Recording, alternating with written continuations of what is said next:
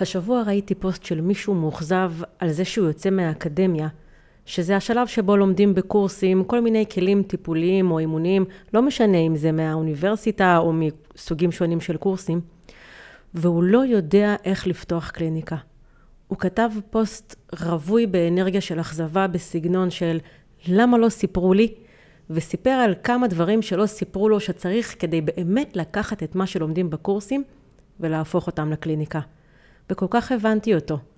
האמת שהבנתי אותו עד כאב, והכאב הזה הוא באמת אחד הדברים שגרם לי לפתוח את כיתות המטפלים שלי, וגם את הפודקאסט הזה, וגורם לי להמשיך ולהיות בדרך שלי, גם כשקשה לי. כשמדובר על האקדמיה, הרבה אנשים יודעים להגיד שהמרחק בין האקדמיה לשטח הוא גדול. והדבר הזה נכון גם לגבי קורסים שבהם לומדים כלים טיפוליים. גם אם עשינו איזה סטאז' במחיר מיוחד עם חמישה אנשים. הפער בין קורס לבין לבסס קליניקה עם כל מה שצריך ומשתמע מכך הוא עצום. וחשוב שנדבר על הנושא הזה, ולכן אני מקדישה לכך את הפרק של היום. למה באמת צריך כדי לבסס קליניקה. לפני שנתחיל אני אציג את עצמי. אני שלי, ואני עובדת בקליניקה שלי כבר 17 שנה. בשנים האחרונות אני מלווה מאמנים ומטפלים בדרך לביסוס הקליניקה שלהם. מכל הבחינות, מבחינה מקצועית, עסקית, שיווקית, ואולי זה המקום להגיד את הדבר הראשון שצריך כדי לבסס קליניקה.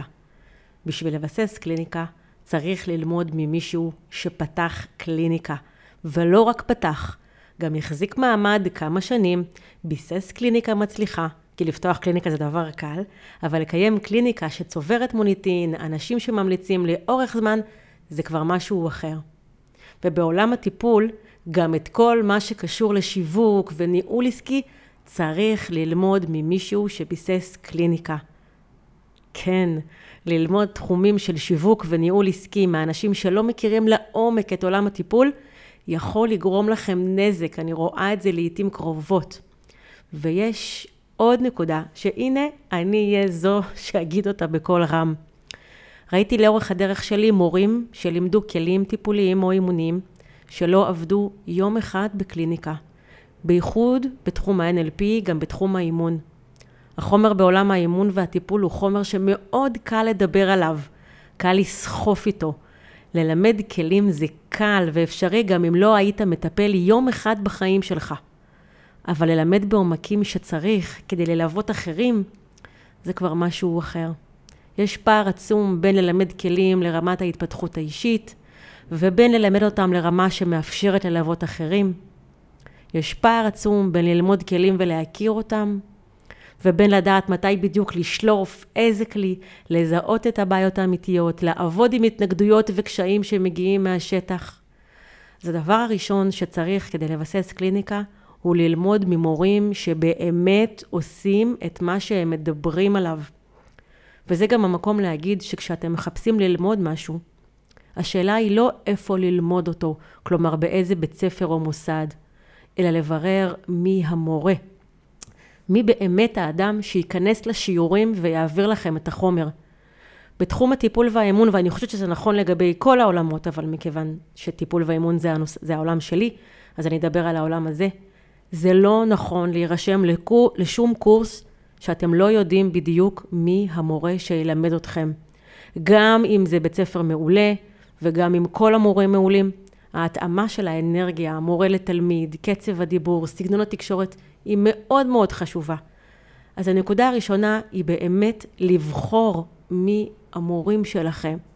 לבחור את הדרך, התוכן, העומק שהמורה שלכם ילמד אתכם, הם אלמנטים חשובים בדרך לביסוס קליניקה. אני יכולה לשתף אתכם שבמחזור ההרשמה האחרון של כיתת המטפלים שלי, שלחתי לכל מי שרצה להירשם שיעור לדוגמה, גם אם לא ביקשו.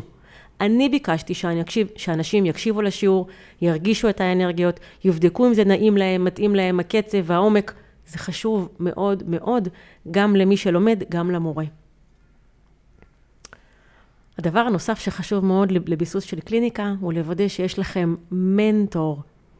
מורה הוא אדם שמלמד אתכם, מנטור הוא האדם שחונך אתכם, הולך איתכם את הדרך, וזה יכול להיות אותו אדם, ולדעתי זה יתרון עצום שזה אותו דבר. אני למשל גם מורה וגם מנטורית, אבל אלה שתי פונקציות שונות שאנשים שלומדים טיפול או אימון מפספסים. אתם גם רוצים ללמוד ממישהו שיודע את העבודה, וגם רוצים שיהיה מישהו שהולך איתכם אחר כך את הדרך. ופה יש עוד משהו שראיתי שעובר קצת שיבוש. מנטור. המילה הזאת וההוויה הזאת. בעבר לימדתי במקום מסוים שבו מי שסיים קורס יכל להצטרף למחזור נוסף כתלמיד אה, אה, שהוא בעצם מנטור לתלמידים חדשים. זו מילה יפה שנתנה למנטורים תחושה של חשיבות, אבל לא עמד מאחוריה שום דבר רציני.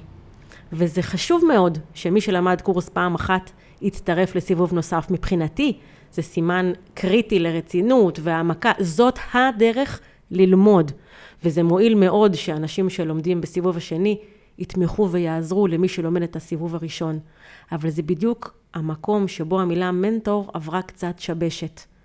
הפעולה הזאת שקורית בקורסים שבו מישהו למד סיבוב אחד ועכשיו הוא בסיבוב השני, היא לא מנטור, היא מיני מנטור. כדי לבסס קליניקה, אתם רוצים מנטור, אתם רוצים אדם שעובד בשטח עם מספיק ניסיון, שהלך בשבילים שאתם צריכים עוד לצעוד בהם, והוא הולך איתכם את הדרך. אז גם מנטור צריך לוודא שהוא באמת באמת ראוי להיות המנטור שלכם. ואני שמחה שדיברתי על העניין הזה, ועכשיו אפשר להמשיך עם עוד דברים שצריך כדי לבסס קליניקה ושלא מדברים עליהם מספיק. אז מה עוד צריך כדי לבסס קליניקה? כסף. כדי לבסס קליניקה צריך כסף, אבל לא בשביל מה שאנשים לרוב חושבים, ופה מתקיימת אחת הטעויות הכואבות שאני פוגשת סביב כסף ופתיחה וביסוס של קליניקה. כדי לוודא שאנחנו מדברים באותה שפה, נגיד שכשאני מדברת על קליניקה מבוססת, אני מדברת על קליניקה שבה עובד מטפל אחד, שעובד עם עד 25, אולי 30 אנשים בשבוע, שמגיעים אליו דרך שיווק נכון, פלא אוזן, והוא מתפרנס בצורה טובה, שמאפשרת לו להתקיים בצורה מכובדת בשוק. אני לא מדברת על מרכזים טיפוליים, אני לא מדברת על בתי ספר, אני מדברת על קליניקה פרטית. אז בשביל לבסס קליניקה, לא צריך את הכסף בשביל פעולות השיווק. קליניקה שמתבססת בצורה נכונה, בקצב נכון, לא דורשת השקעה כלכלית גדולה, ובואו רגע אני אגיד לכם מה לא צריך כדי לקיים, לבסס קליניקה. אתם לא חייבים אתר. אתר הוא פלטפורמה טובה, אבל לא חייבים אתר. צריך שיהיה לכם מקום מסודר שבו אתם יכולים לספר על העבודה שלכם. אני לא רוצה להרחיב הרבה בעניינים הטכניים בפרק הזה. אם יש מישהו שזה מעניין אותו, תגידו לי, ואני ארחיב על זה אולי בפרק אחר, או שאני אכתוב על זה הדרכה מסודרת, אבל לא חייבים אתר קליניקה, לא חייבת אתר. אני כן אגיד לכם שאנשים שאני מלווה אותם אה, בתהליכים של ביסוס קליניקה, אה, אנחנו... או שאנחנו כותבים מסמך שנראה בצורה אה, יפה ומכובדת אה, בקנווה, או שאנחנו כותבים מסמך טוב בגוגל דוקס שמאפשר לנו להוציא לינק לתוכן. אנחנו כן נשקיע ברשתות החברתיות שמאפשרות לנו אה, להעביר את המסרים שלנו בצורה טובה ועקבית, אבל ממש לא חייבים אתר. הדבר הנוסף שלא חייבים זה שיווק ממומן. לא חייבים. אפשר, אם רוצים לתת לפוסטים שלנו דחיפה, לא חייבים לעשות קידום ממומן אה, כדי לבסס קליניקה. אני, כשביססתי את הקליניקה שלי, לא השתמשתי בקידום ממומן. המטפלים שאני מלווה אותם לא עושים קידום ממומן כדי לבסס קליניקה, ממש לא עושים. אה, אין לזה, אין לזה צורך. צריך לעשות שיווק אורגני טוב, אה, מה זה טוב? טוב זה אומר שאנחנו יודעים לכתוב, אנחנו מבססים את העבודה שלנו כמו שצריך, ולא צריך לשים כסף, להפך, אם אתם שמים כסף על עבודה, על שיווק לא טוב, זה ממש אה, מעכב אותנו בדרך לביסוס קליניקה.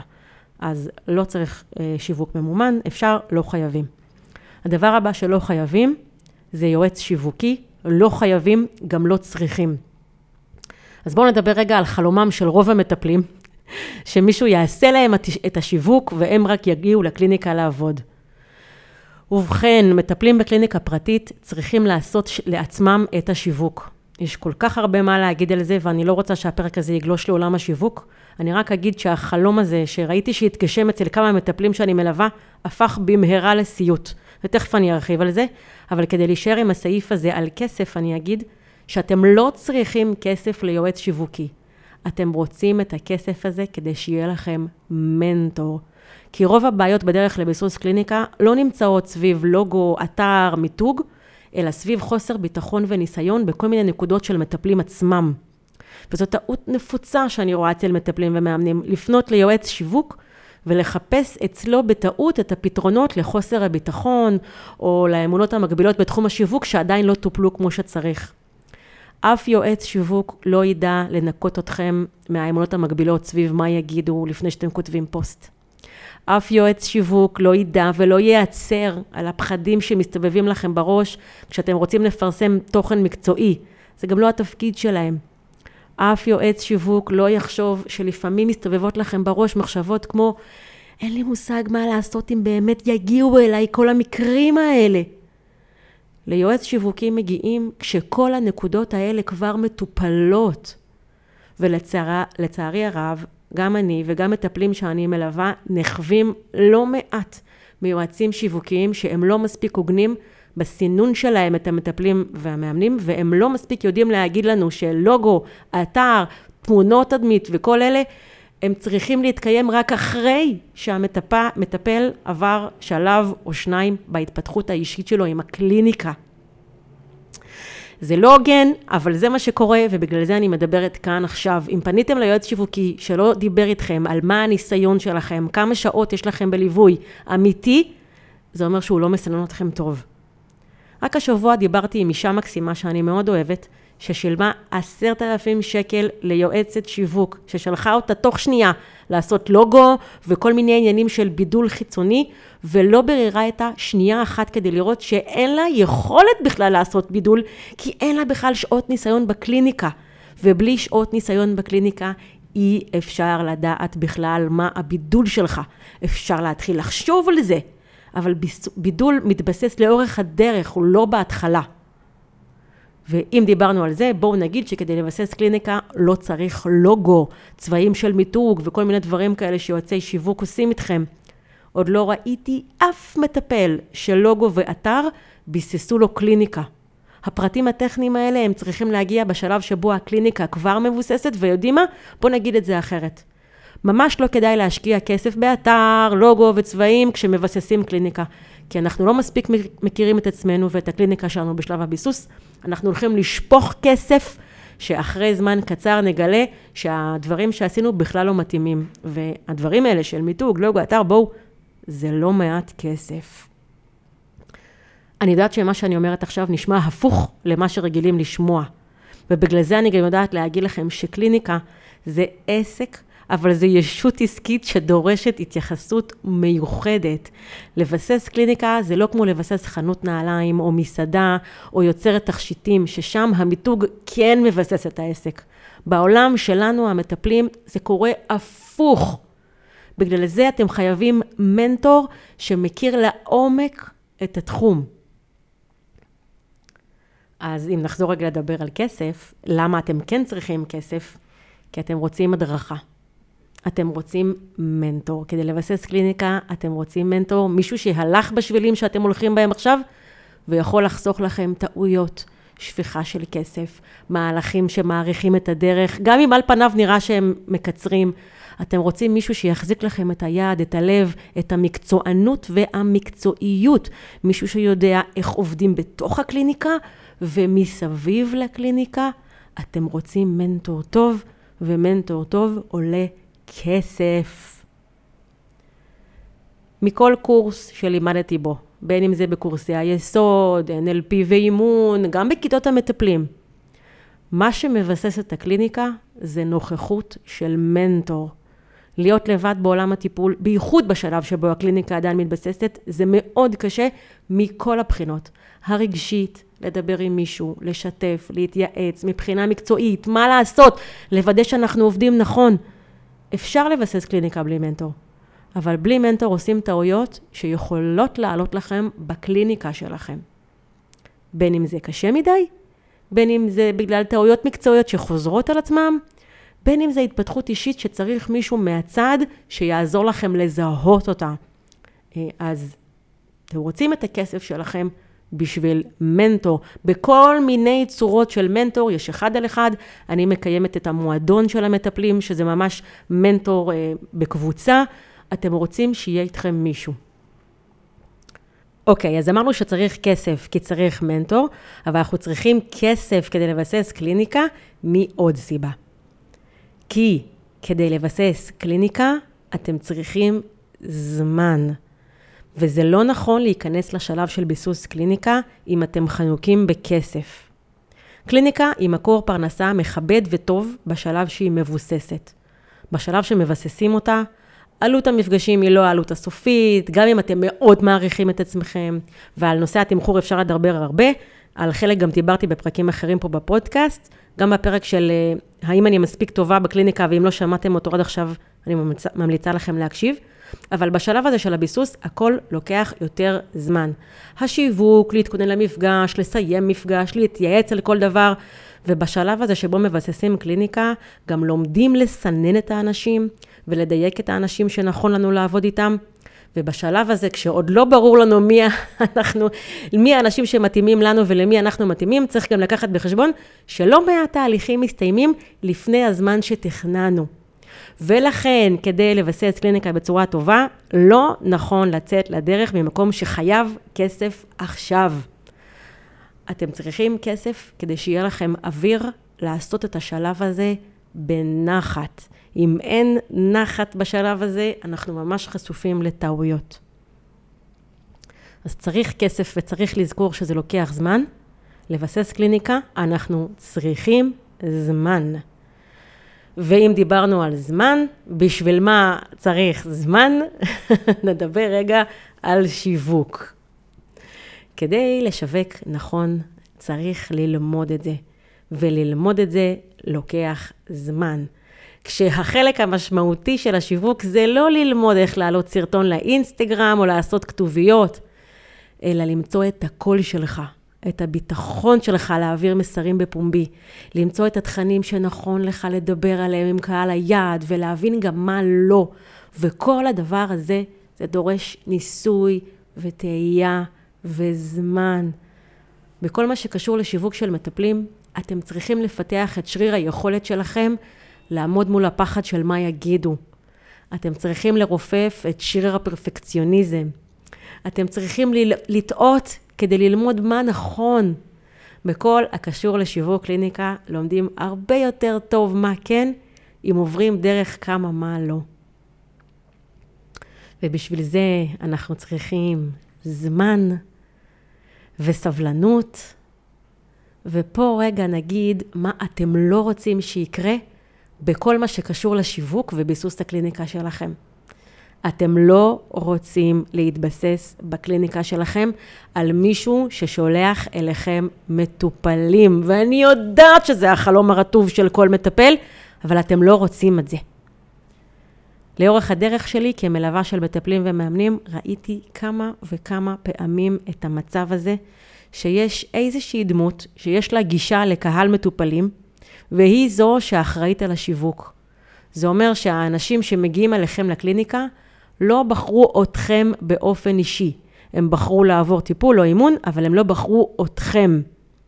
זו התנהגות טיפולית וצרכנית לא טובה, שמייצרת המון בעיות לכולם, גם למטפל, גם למטופל, ויש כאן עוד בעיות עמוקות. ראיתי מצב שבו מורה, מורה מסוים או מורה מסוימת בתחום הטיפול, שעושה שיווק איכותי עבור עצמו ועבור הקורסים שלו, כשכמובן כמות המטופלים שמגיעים אליו היא גדולה ממה שהוא באמת יכול לעבוד איתם, ולכן הוא מפנה למספר מטפלים, תלמידים שלו שעובדים תחתיו. עובדים תחתיו, כבר זה עושה לי קצת צמרמורת. אבל על פניו זה נראה מין ווין ווין כזה לכולם, נכון? גם למטפל הזה שיש לו הרבה מוניטין והוא עושה שיווק, ואז הוא מפנה ומפנה לתלמידים שלו. זה נראה ווין ווין, אבל זה לוז לוז. הלוז הראשון הוא שמטפל שלא משווק, לא מתאמן בלמצוא את הקול הטיפולי הייחודי שלו. ככה שאם זה נראה לכם ווין ווין למטפל שמפנים אליו, אז זה לא ווין ווין, זה לוז, לוז גדול. כשמטפל לא משווק, הוא לא מתאמן בלמצוא את הקול הטיפולי הייחודי שלו. אני מדברת המון על זה בפודקאסט, אז אני אגיד את זה רק עכשיו בנקודה מאוד קטנה. שיווק בשבילי זה לא רק בשביל למלא את הקליניקה. התהליכים הרגשיים שמתקיימים בתהליך, בתהליכי השיווק הם קריטיים עבור מטפלים.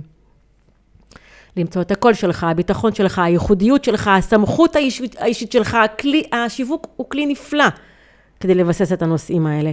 ואם יש מישהו שמפנה אליכם, הוא מונע מכם את הזכות להתחזק במקומות האלה.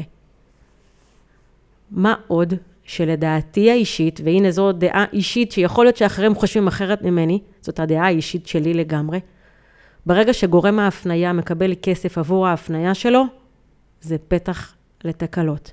אני מדברת איתכם על מצב שבו אה, מטופל משלם 400 שקלים למפגש, אבל חלק הולך למורה או לדמות שעושה את השיווק, וחלק הולך למטפל. כמו שאמרתי, קליניקה היא עסק, אבל שיש לה חוקים אחרים. בנגריה של בעלי למשל, זה סביר לגמרי שמעצב שמביא עסקה לנגר, מקבל עמלה על ההפניה. בעולם הטיפול זה כבר רעיון מאוד לא טוב. אני אספר לכם על שלב שבו עבדתי כמאמנת בבית ספר לאימון כלשהו. מי שלמד אימון התחייב לעבור תהליך אימוני, ואני הייתי חלק מצוות המאמנים. למזלי, הגעתי לשלב הזה כשכבר הייתי מבוססת עם השיווק שלי והקליניקה שלי, כי אם לא, החלק הזה היה מכה קטלנית מתחת לחגורה של הביטחון המקצועי שלי. לתהליכים האלה מגיעים אנשים שרוצים להיות מאמנים, אבל הם לא בהכרח רוצים עכשיו לעבור אימון. הם חייבים לעבור אימון, והם נאלצים לבחור מבין המאמנים שמרכיבים את צוות המאמנים. הם לא בהכרח בוחרים את המאמן שהם רוצים לעבור איתו תהליך.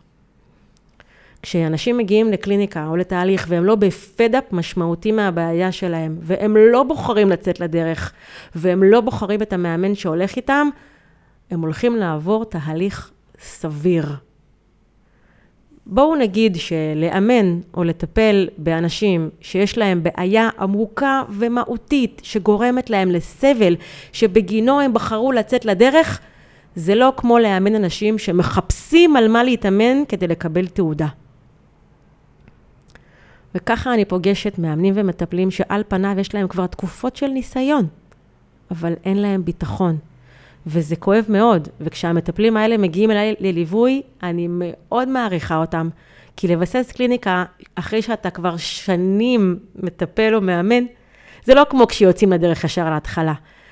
זה דורש איזו עבודה טובה עם האגו, כי כביכול יש לך שנים של ניסיון. אבל חסר לך שם ניסיון וביסוס מאוד מאוד רציני של משהו בביטחון המקצועי וביכולת שלך ללוות בתהליכי עומק אמיתיים. בכללי אני אגיד שכשאני מלווה אנשים שכבר יש להם קליניקה הרבה זמן, אבל משהו בביטחון ובביסוס לא יושב להם טוב והם פונים לעזרה מקצועית, אני מאוד מעריכה אותם, ומהמקום הזה אני אומרת שזה לא משנה כמה זמן יש לך קליניקה, זה משנה כמה ניסיון יש לך בקליניקה ועם מה. אני אספר לכם איך אני עושה הפניות, כי גם אליי מגיעים יותר אנשים ממה שאני יכולה לקבל בקליניקה. אז אני מפנה רק לאנשים שאני מלווה בתוכנית המטפלים המתקדמת, מה שנקרא מועדון המרינדה. רק אנשים שאני יודעת מה הידע שלהם, אני מכירה אותם, אני יודעת מה הרמה המקצועית שלהם, מה הערכים המובילים שלהם, אני, אני יודעת מה האנרגיה שלהם, מה סגנון התקשורת שלהם, ורק על סמך הדברים האלה אני אעשה הפנייה. בנוסף, אני משתדלת מאוד לא לעשות הפניות למטפלים שלא עושים שיווק.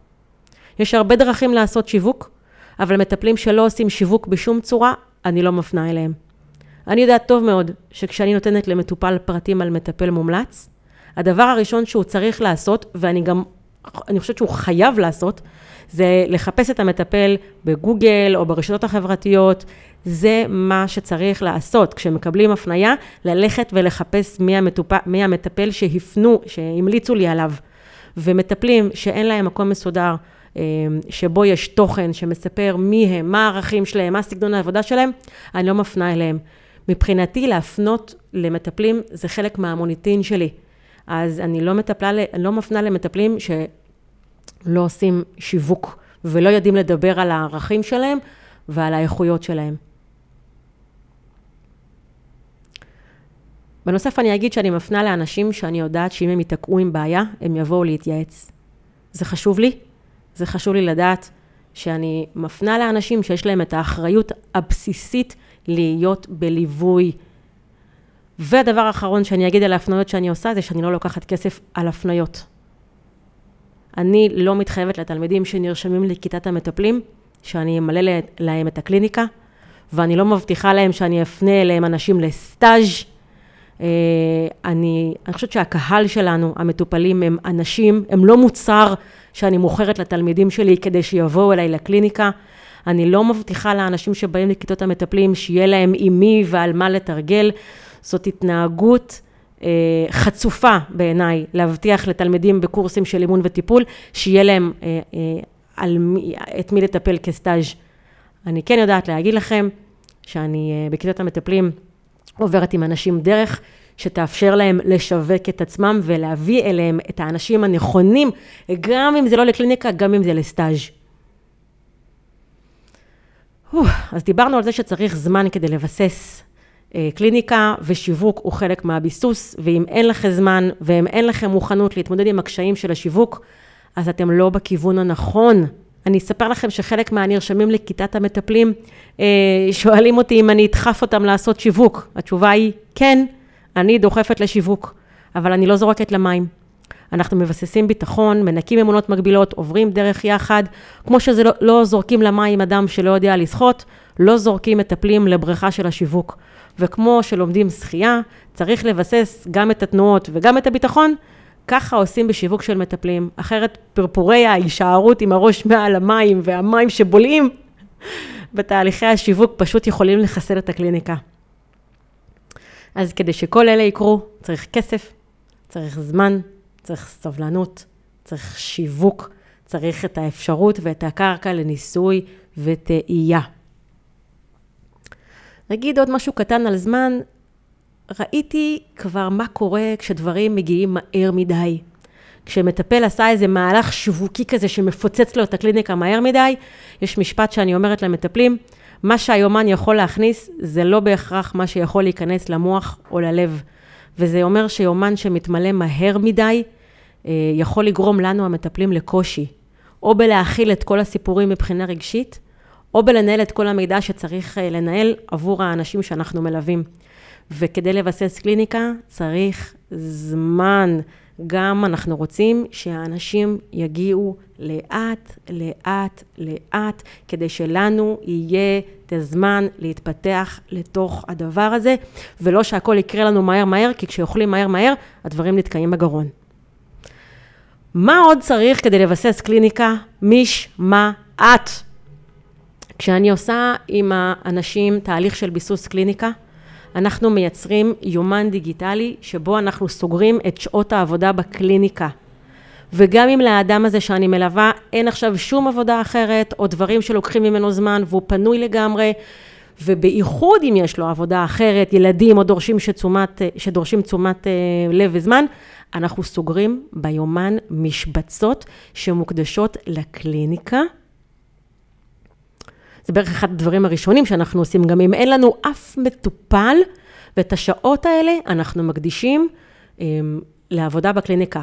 או שאלה השעות שאליהם אנחנו מזמנים את האנשים שיגיעו לקליניקה, כי אני בחרתי שאני עובדת ביום ראשון בין 1 ל-2 וזה השעה שסגורה לי ביומן, או שאלה השעות שהם אם אין לי עדיין מטופלים, הן מוקדשות ללמידה, לקריאה, לשיווק, להתפתחות, לשעות שהן לא לקפה ולא לחברים, הן לעבודה, גם אם אין לי אפילו מטופל אחד עכשיו. זאת אומרת שהדבר הזה דורש ממני משמעת. ותראו, קליניקה לא פותחים על הדרך, וגם לא פותחים אותה כשמגיע המטופל הראשון.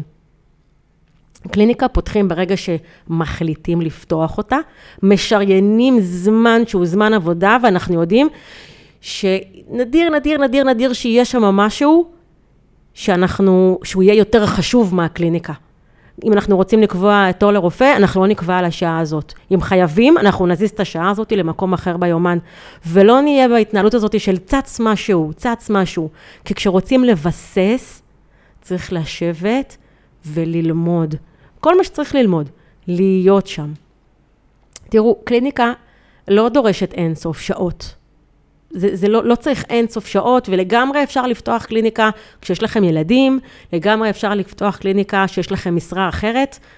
אה, אם להיות כנה, אני ממש מציעה לאנשים לפתוח קליניקה כשיש להם משרה אחרת, כדי שלא יהיה להם את הלחץ של הכסף. אבל הקליניקה דורשת משמעת, שאם סגרתי לעצמי שעתיים ביומן שמבוסס, שהם, אה, שבהם אני מבססת את הקליניקה ומשקיעה בקליניקה, אני צריכה להקפיד על השעתיים האלה, ואני צריכה בשביל הדבר הזה משמעת. מה עוד צריך בשביל לבסס קליניקה? מוכנות ללמוד לעומק. אם יש משהו שראיתי שמפריע למאמנים ומטפלים, זה המשפט, את זה אני כבר יודע. בעולם המטפלים יש משהו שמתקיים, שמכאיב לי לראות, וזו נהירה אחרי כלים. עוד כלי ועוד כלי עם מחשבה שאם רק יהיה לי את הכלי הנוסף, רק אז אני אוכל באמת לעזור לאנשים. מה שקורה בשטח זה שאנשים לומדים כלים, אבל לא מגיעים לשלב של לעבוד איתם בצורה עמוקה, לתרגל אותם בשטח.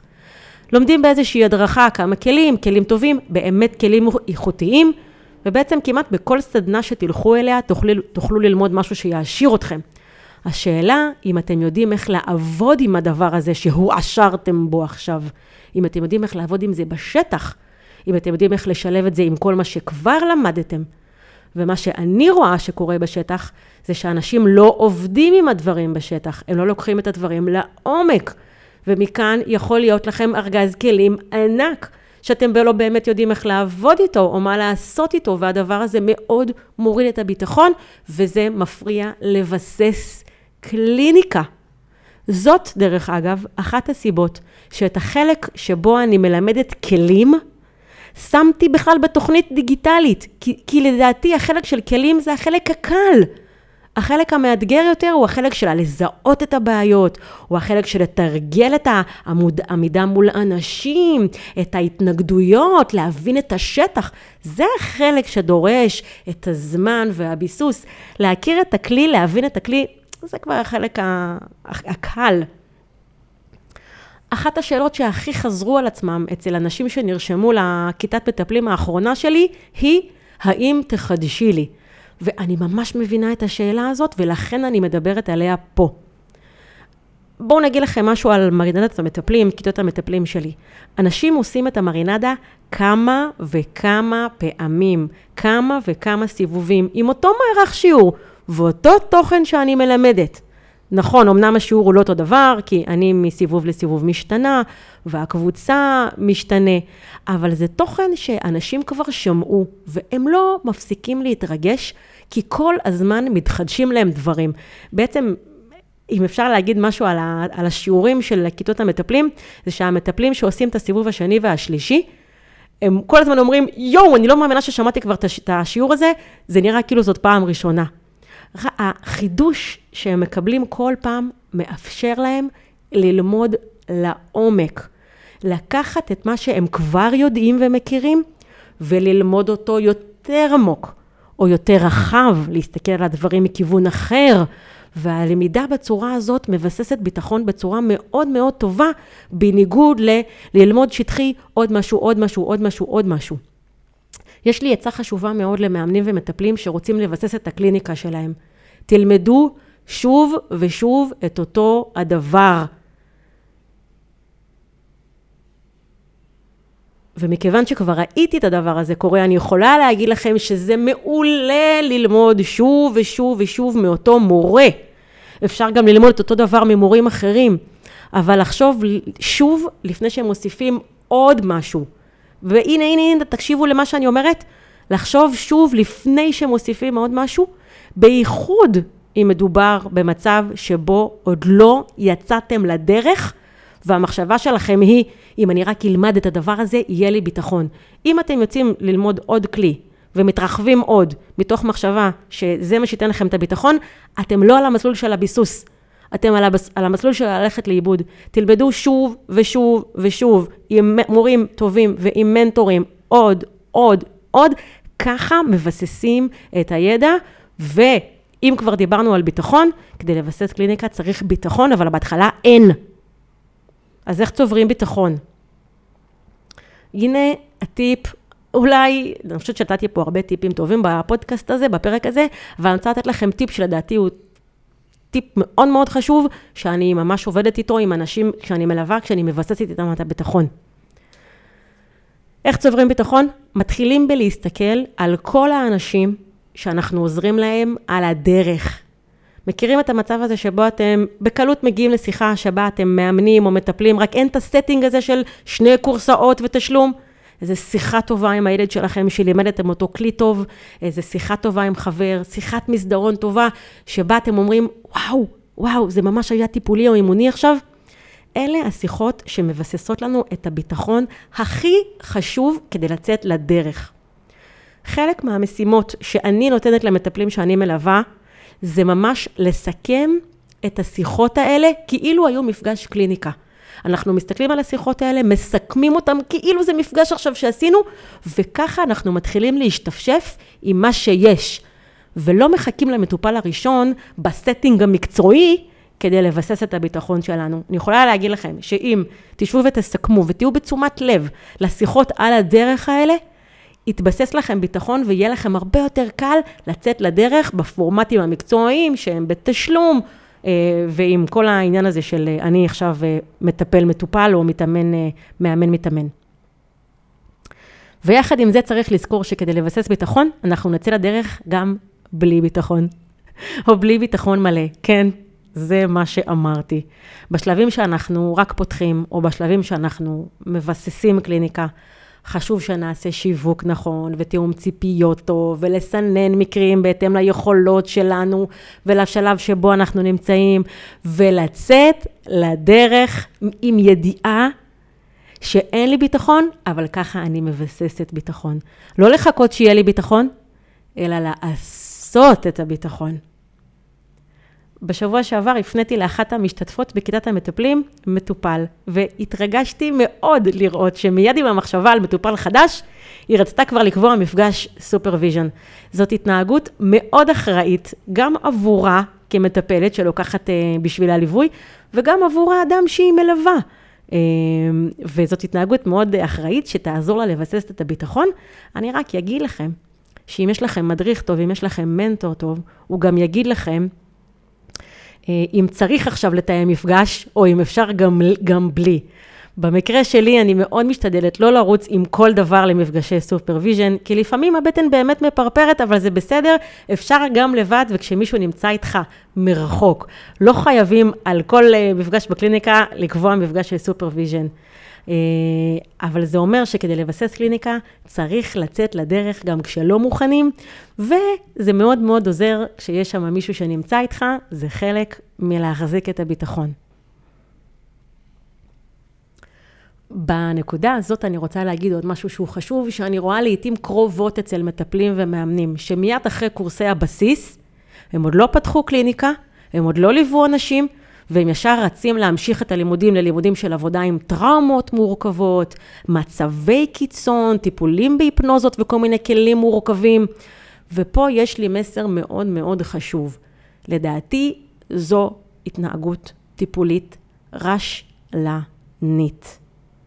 בואו נתחיל, אני אגיד שזאת התנהגות טיפולית רש, רשלנית של המטפלים והמאמנים, וגם של המורים. שמלמדים על מצבים מורכבים, אנשים שאין להם ניסיון בשטח. אבל בואו רגע נגיד מה המסר שלי פה במקום הזה. אני אומרת, בואו נתחיל עם ללוות עם אנשים שהם במצבים, מה שנקרא, רגילים. הלקאה עצמית, ניהול כעסים, גבולות, ריצוי. בואו נרחיב את ההתפתחות האישית שלנו אה, כמלווים על מקרים שהם לא עם פוטנציאל טריגר מאוד מאוד חזקים. נראה שאנחנו מתמודדים טוב עם התנגדויות בקליניקה, עם בכי, עם הישפכויות, עם דפוסים מקבים, שחשוב מאוד לדעת לעבוד איתם בשטח ולא רק להכיר אותם בידיעה. ורק אחר כך, אחרי שביססנו פזם אמיתי של ניסיון, נעבור לעבוד עם תוכן שהוא תוכן קשה מבחינת הסיפור להחזקה.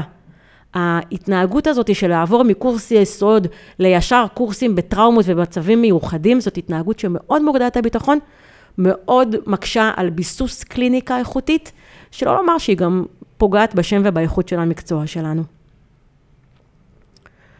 וואו, יוצא לי פרק ארוך. אה, עוד קצת ואנחנו כבר מסיימים. מה עוד צריך? אמרתי, צריך סט כלים טוב להתמודדות עם מה יגידו. סט uh, כלים טוב להתמודדות עם פרפקציוניזם. מטפל פרפקציוניסט זה קטסטרופה.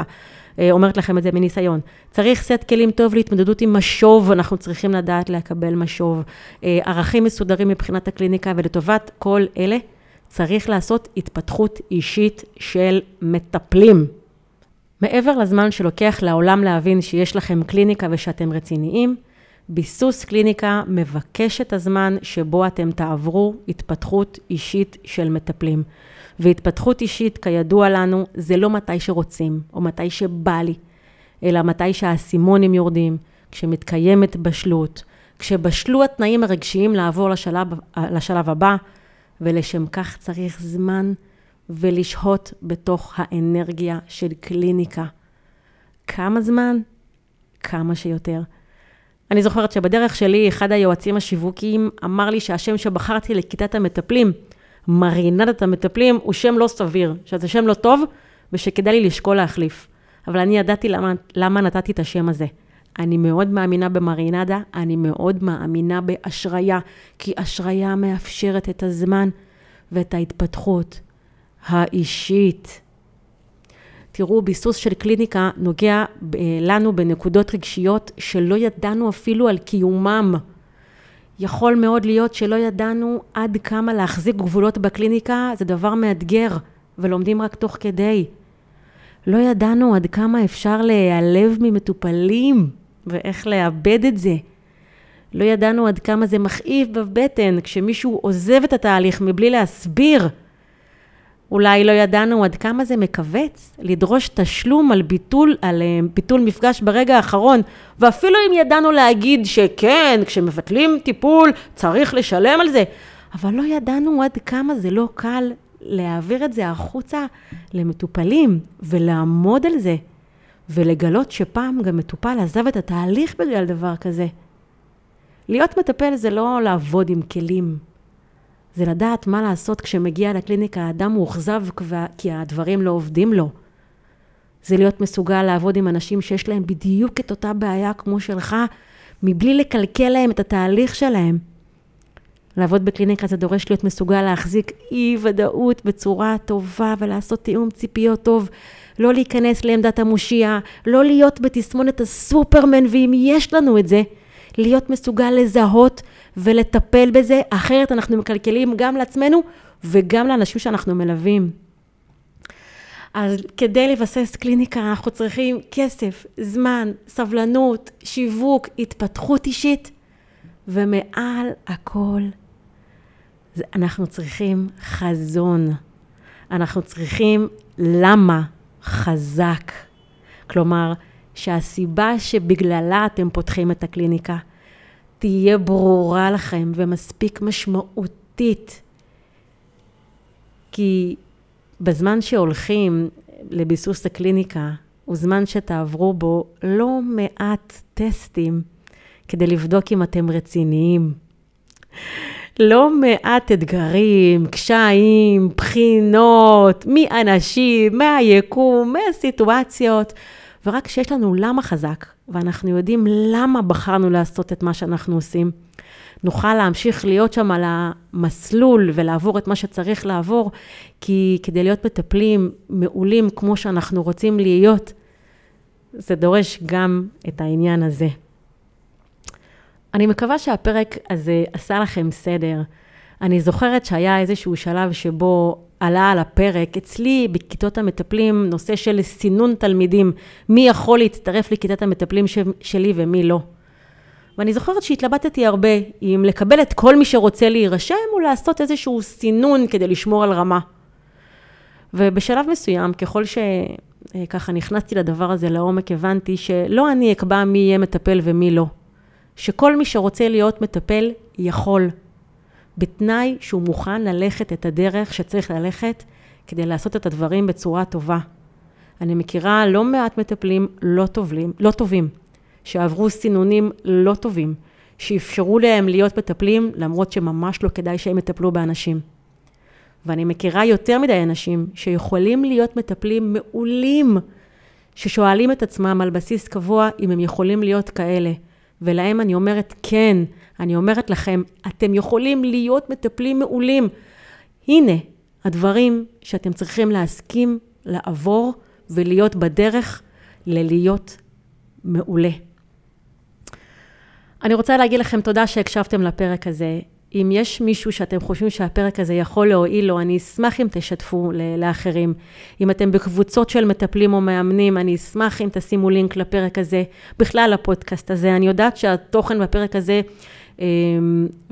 ובפודקאסט הזה הוא תוכן שמאוד תורם למטפלים ומאמנים. אנשים כותבים לי ואומרים לי את זה לעיתים קרובות, ואני מאוד אשמח להיעזר בכם כדי שתפיצו את התוכן הזה לכמה שיותר אנשים.